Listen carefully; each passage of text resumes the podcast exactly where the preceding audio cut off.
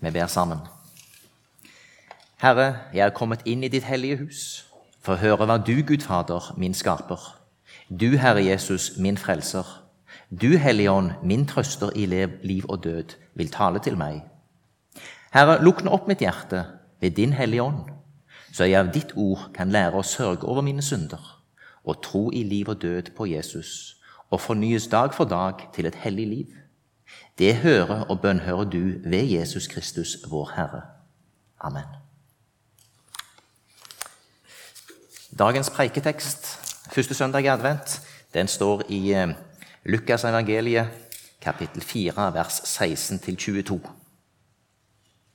Han kom også til Nasaret, hvor han var vokst opp, og på sabbaten gikk han inn i synagogen som han pleide. Da han reiste seg for å lese av Skriften, rakte de ham profeten Jesajas bok. Han åpnet bokrullen og fant det stedet der det står skrevet. Herrens ånd er over meg, for han har salvet meg til å forkynne et gledesbudskap for fattige.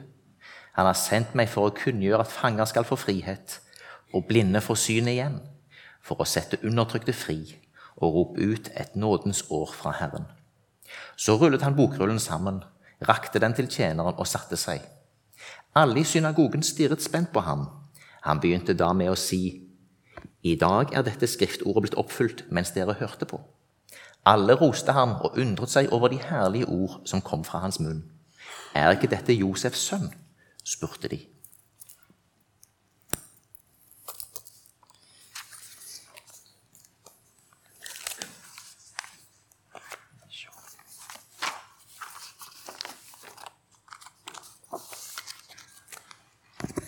Ja, advent kommer fra latin 'adventus domini', Herrens komme, eller Herrens ankomst. Og så har vi lest noen tekster. Og den vi leste her òg nå, er eh, store deler sitert fra Jesaja.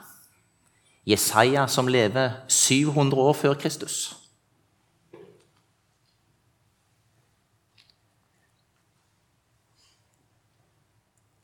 Han eh, forkynner om eh, et gledesbudskap for fattige.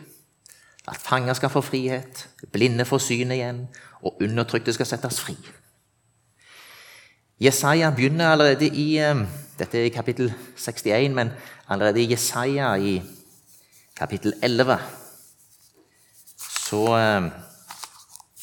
hører vi om det som Kristine leste litt i den siste boka i Bibelen, Johannes' åpenbaring.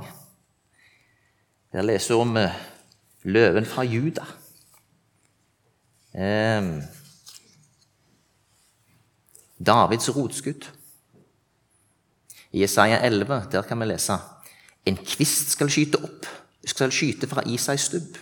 Et skudd renner opp fra hans røtter. Herrens ånd skal hvile over ham, Ånden med visdom og forstand. Ånden med råd og styrke. Ånden som gir kunnskap om Herren og frykt for ham. Han skal ha sin glede i frykten for Herren. Han dømmer ikke bare etter det han ser, og skifter ikke rett etter det han hører. Han dømmer småkorsfolk med rettferd, lar de vergeløse i landet få rett om. Men voldsmenn slår han med sin munns ris, ugudelig dreper han med et pust fra sine lepper. Rettferd er beltet han har om livet, Troskap er beltet om hoftene. Vi hører om en her som eh, skal skyte opp fra judastammen. Isai, far til David. Eh, og det, leser, det, som Kristine leste i eh, eh Jesaja 61 eh, Det er det vel første gangen vi hører om han eh, som er blitt salva. Dette blir senere gjentatt i Daniel. Så eh, er det om den første som skal bli salva. Og den salvede, det er Messias. Um, og vi ser utover Det gamle testamentet, så bygges det opp en forventning. Det bygges opp en forventning til denne som skal komme. Denne helt spesielle. Denne salvede. Profetene ble også gjerne salva til sin tjeneste. Det var, eh, det var noe som ble eh, eh, gjort som, som viste hvilken helt spesiell autoritet disse hadde fra Herren. Og denne fyrsten som skulle komme, som vi kan lese om i bl.a. Daniel, han skulle være en salvet fyrst. Og det er vel først der en, en sier at det er Messias. Eh, så eh, venter jo nå på jul. Og de første tekstene i det nye kirkeåret er jo om Herrens komme, som vi feirer i jula. Men i Det gamle testamentet så venter en på Messias, den salvede. Og så er det sånn da, at det var jo rett og slett noen av de som kjente godt til Messias og læren om han, som fikk møte Messias. Um, og det var en forventning på Jesus' i tid om Messias som skulle komme. I Lukas 3, 15 kan vi lese folket gikk nå med forventning og alle tenkte i sitt stille sinn at Johannes kanskje var Messias. Døperen Johannes har stått fram, og de lurer på er, er, det, er det Messias. Um,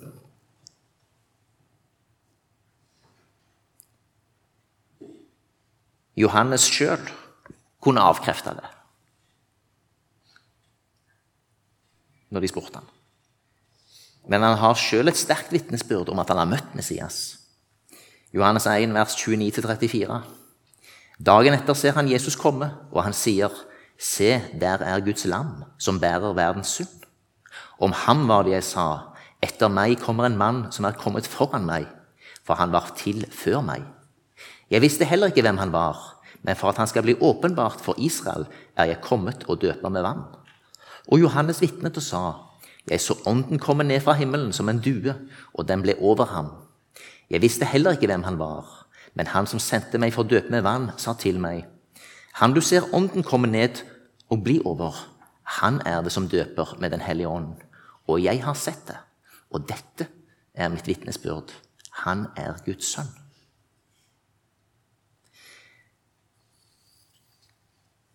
Før vi går litt tilbake til Johannes igjen, så ehm, vil jeg òg lese en tekst fra Lukkasevangeliet, kapittel 11, vers 25-27. Det er Martha, venn av Jesus, som kommer Jesus i møte. Broren er død, eh, og hun kommer han i møte.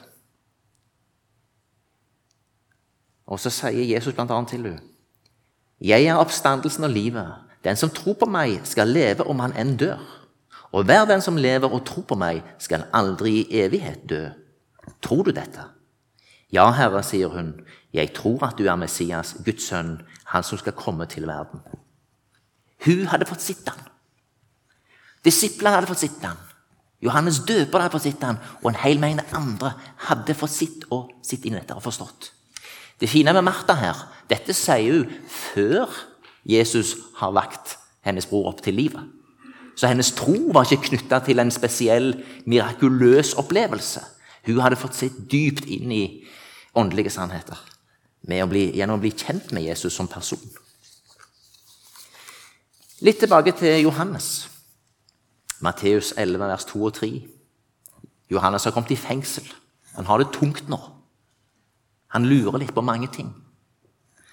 Han kjenner òg at han trenger å få høre igjen dette med han som han har rydda veien for, er han, er han den som skulle komme? I fengselet fikk Johannes høre om alt Kristus gjorde. Han sendte bud med disiplene sine og spurte er du den som skal komme, eller skal vi vente en annen? Og så sender Jesus ham et veldig sterkt budskap tilbake, eh, som gjør at han blir svært trygg. Yes, det er han. Men er interessant. Johannes hadde fått store åpenbaringer og hadde forkynt og proklamert tydelig. Men nå er han i, under tøffe vilkår, og han trenger å høre det igjen. Det gjør Johannes fordi han er et menneske. Og var et menneske, sånn som deg og meg. Vi òg trenger å høre det igjen. Gang etter gang. Vi trenger å leve i det. Um, vi trenger å få bekrefta at han er den han er. Vi trenger et ord fra Herren sjøl. En bekreftelse. Vi roper til Herren om at Han må svare oss. Og som svake mennesker som lever i en fallen verden, så trenger vi stadig dette ordet. Vi leser fra Salme 130. Fra dypet roper jeg til deg, Herre. Herre, hør min røst. Vend øret til og lytt når jeg trygler og ber. Hvis du vil gjemme på syndeskyld, Herre, hvem kan da bli stående? Men hos deg er tilgivelsen, derfor må vi frykte deg. Jeg venter, jeg håper på Herren, jeg venter på Hans ord.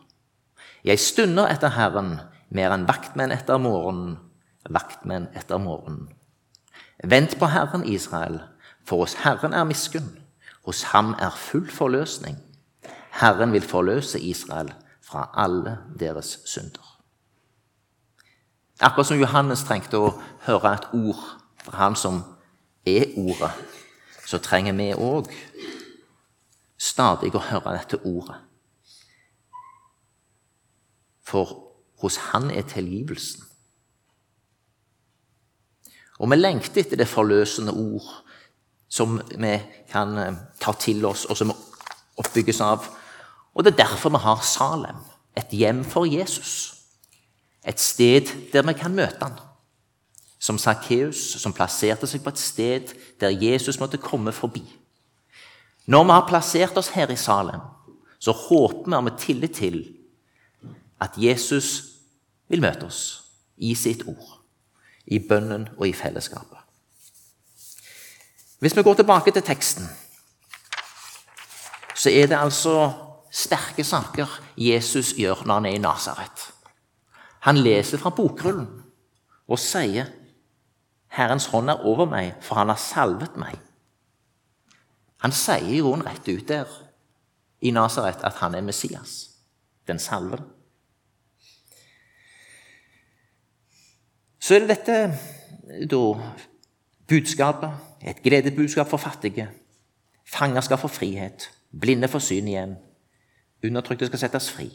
Og rope ut et nådens år Wow! Dette nådens år det gir fort assosiasjoner til eh, Mosebøkene, der eh, Gud innstifter en ordning med at hvert 50. år skal være et spesielt frigivelsesår, et jubelår. Syv ganger syv er 49, og i det 50. året så skulle det være jubelår. Og da var det bl.a. sånn at fanger altså, Noen av Israels folk hadde kanskje måttet selge seg som treller. Eh, men i frigivelsesåret så skulle de settes fri. Så eh, jubelåret, det var viktig. Vi lever i eh, nådens tid. Det er fremdeles jubelår. Etter påskedag så er det det. Vi lever i den nådens tid. Martha og Peter og Johannes og mange andre som møtte Jesus, de hadde forventa at Messias skulle komme. Og de fikk se han og møte han. Noen av dem blir senere litt forvirra. For de ser at hans gjerning er så mye større enn bare å komme til Israels folk. De trenger rett litt tid. Det er jo interessant når vi ser at Peter får store åpenbaringer på pinsedag. Men det går en stund før han ser at det gjelder andre enn jødene. De så stykkevis og delt, de òg. Men først skulle eh, det forkynnes i Jerusalem, og det gjorde de. Og noen jøder tok imot. Men de jødiske menighetene ble ikke det store. Det var hedningene som tok imot og som gjorde at dette ble stort rundt eh, i, i, i, området og i Romerriket. Men de hadde fått møtt Messias, og han hadde kommet. Og så hadde han sagt, etter han ble rykt, når han ble rykt opp til himmelen før han ble rykt opp til himmelen, Kristi himmelfartsdag Han skal komme igjen. Jeg kommer igjen. Underveis så sender jeg talsmann, Den hellige ånd, som de fikk pinsedag. De var ikke forlatt. De hadde fått Gud igjen, Jesus igjen, gjennom Den hellige ånd. Og Den hellige ånd eh, har med, og som er en eh, trøster for oss og en hjelper, og som åpenbarer ordet for oss, og som gjør, som Kristine sa så veldig fint, vi er ikke alene. Vi kan be en kort bønn. Hellig ånd, vær her nå. Åpenbar deg. Gi meg ordene. Vi er ikke alene. Vi jobber sammen med Herren. Veldig fint det du delte. Eh, men det er ingen tvil om at eh, det var nok en overraskelse for de at denne Messias skulle få en slik tøff skjebne. Og så forlater han de altså. Han sender Den hellige ånd, og så venter vi på at han skal komme igjen. Og imens der så lever vi i nådetiden. Nådens år varer ennå. Det er jo spennende å følge ting i et tidsperspektiv. År 1800 før Kristus så er det Abraham. Han får de første løftene. Og Dette utvikler seg i Gammeltestamentet, og så kommer Messias. Men så reiser Messias igjen, sender Hellig Ånd, og så venter vi fremdeles. Sånn sett er det en utrolig interessant parallell fra Det gamle testamentet og det de snakker om der, til det vi snakker om i dag. For de venter på Messias, og vi venter på Jesus skal komme igjen for å dømme levende døde.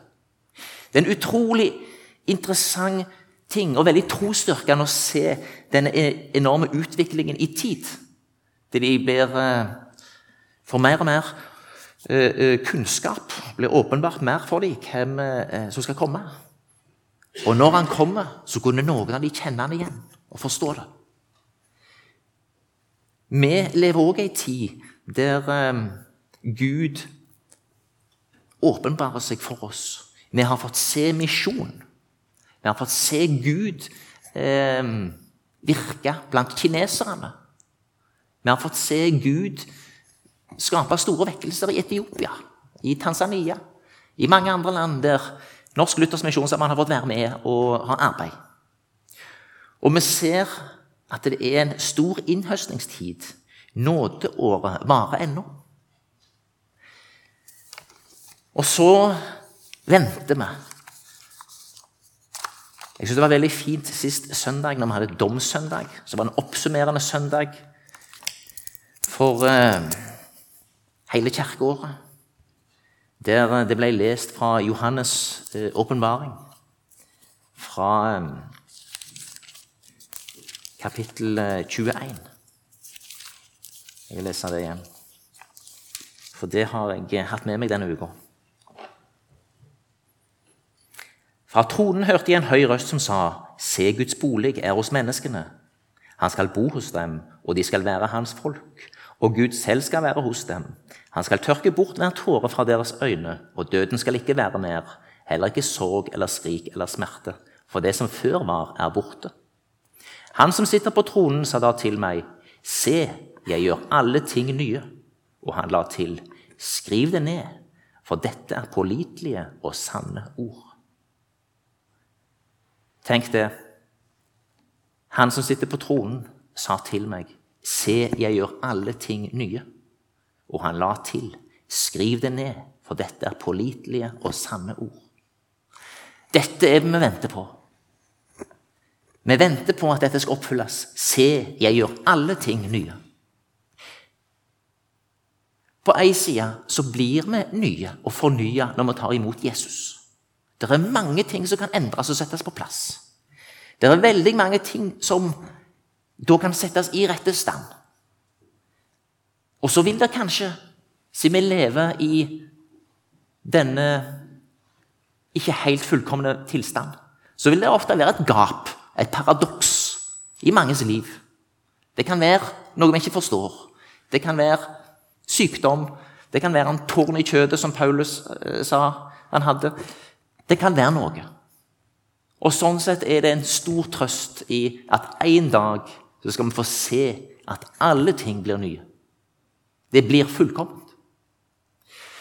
Faren vår kan jo lett være, særlig i en sånn eh, velstandskultur som vi lever i, at eh, vi nøyer oss med å skape noe fullkomment rundt oss. Eh, vi har lett en hang til å prøve å lage himmel på jord. Det er ikke feil å prøve, prøve å skape noe bra. Eh, vi er satt inn i denne verden med en hensikt. Eh, og vi er en del av den fysiske verden. Men faren er hvis vi blir for mye opphengt i det, og at det ikke får bli Herrens verk. Det er dette vi må be om. Vi må be om ydmykhet. Vi må be om at Herren ransaker oss. Vi må be om at Herren viser oss vår vei. At Han leder oss. Da eh, kan vi være trygge. Teksten som ble lest fra Jesaja Noe av det leste vi òg i Lukas. Men jeg vil gjerne gjenta noe som står i vers 3.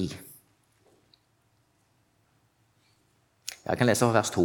Jeg skal rope ut et nådens år fra Herren, en dag med gjengjeld og straff fra vår Gud. Jeg skal trøste alle som sørger, og gi de sørgende i Sion hodepynt i stedet for aske, gledesolje for sørgedrakt og lovsang i stedet for motløshet. Det syns jeg er veldig bra sagt. Eh, lovsang i stedet for motløshet. Vi er jo veldig forskjellige som mennesker. Jeg er nok ikke av de som har behov for øh, å synge veldig mye i forkant av et møte. Jeg er en type sånn, øh, ja, jeg har gått i kirka, så jeg trives med tekstene og salmene. og synes sang også er helt grei. Men her er vi veldig forskjellige, og her vet jeg at jeg må være svært ydmyk. Uh, Kona mi er veldig forskjellig fra meg, og hun mener at jeg må være forsiktig med å fronte dette. For veldig mange så er lovsangen og for være i tilbedelsen et språk som åpner opp. Og jeg tenker særlig på dette her lovsang i stedet for motløshet. Eh, Sjøl så ber jeg eh, ofte Salme 103 eh, som en lovsang. Og Jeg leste i boka en som heter Derek Prince. Han sier at lovsangen beskytter deg. Lovsangen driver det onde bort. Når du lovsynger, midt i din motløshet, så skjer det noe. Så det å be eller synge en salme, synge lovsanger, det er det beskyttelse i. Og det er et veldig viktig språk. Og det er interessant at det står her Det skal ropes ut et nådens år fra Herren, og motløsheten skal bli bytta ut med lovsang. Og det er veldig godt. Så ikke undervurder lovsangen.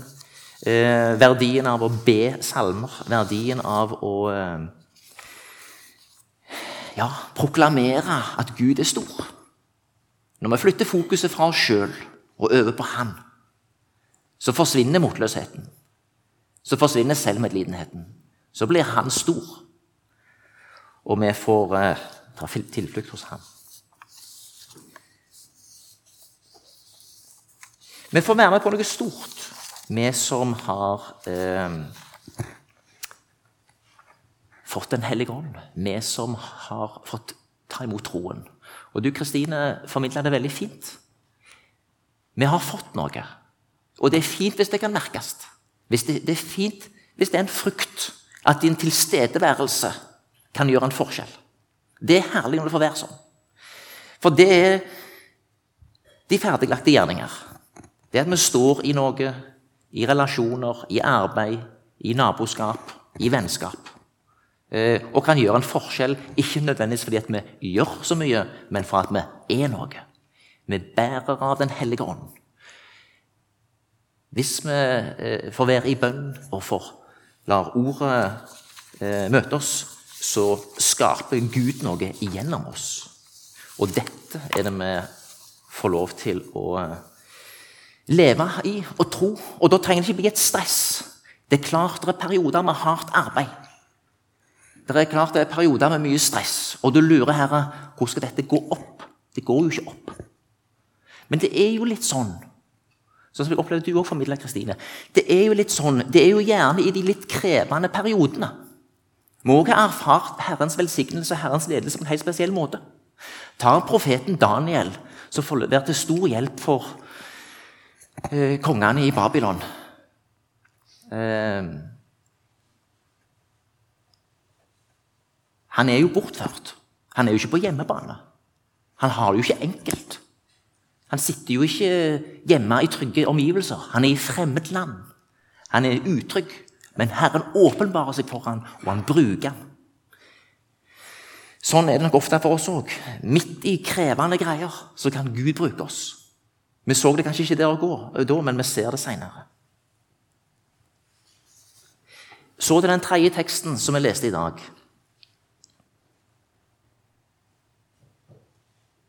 Johannes' åpenbaring 5, 1-5.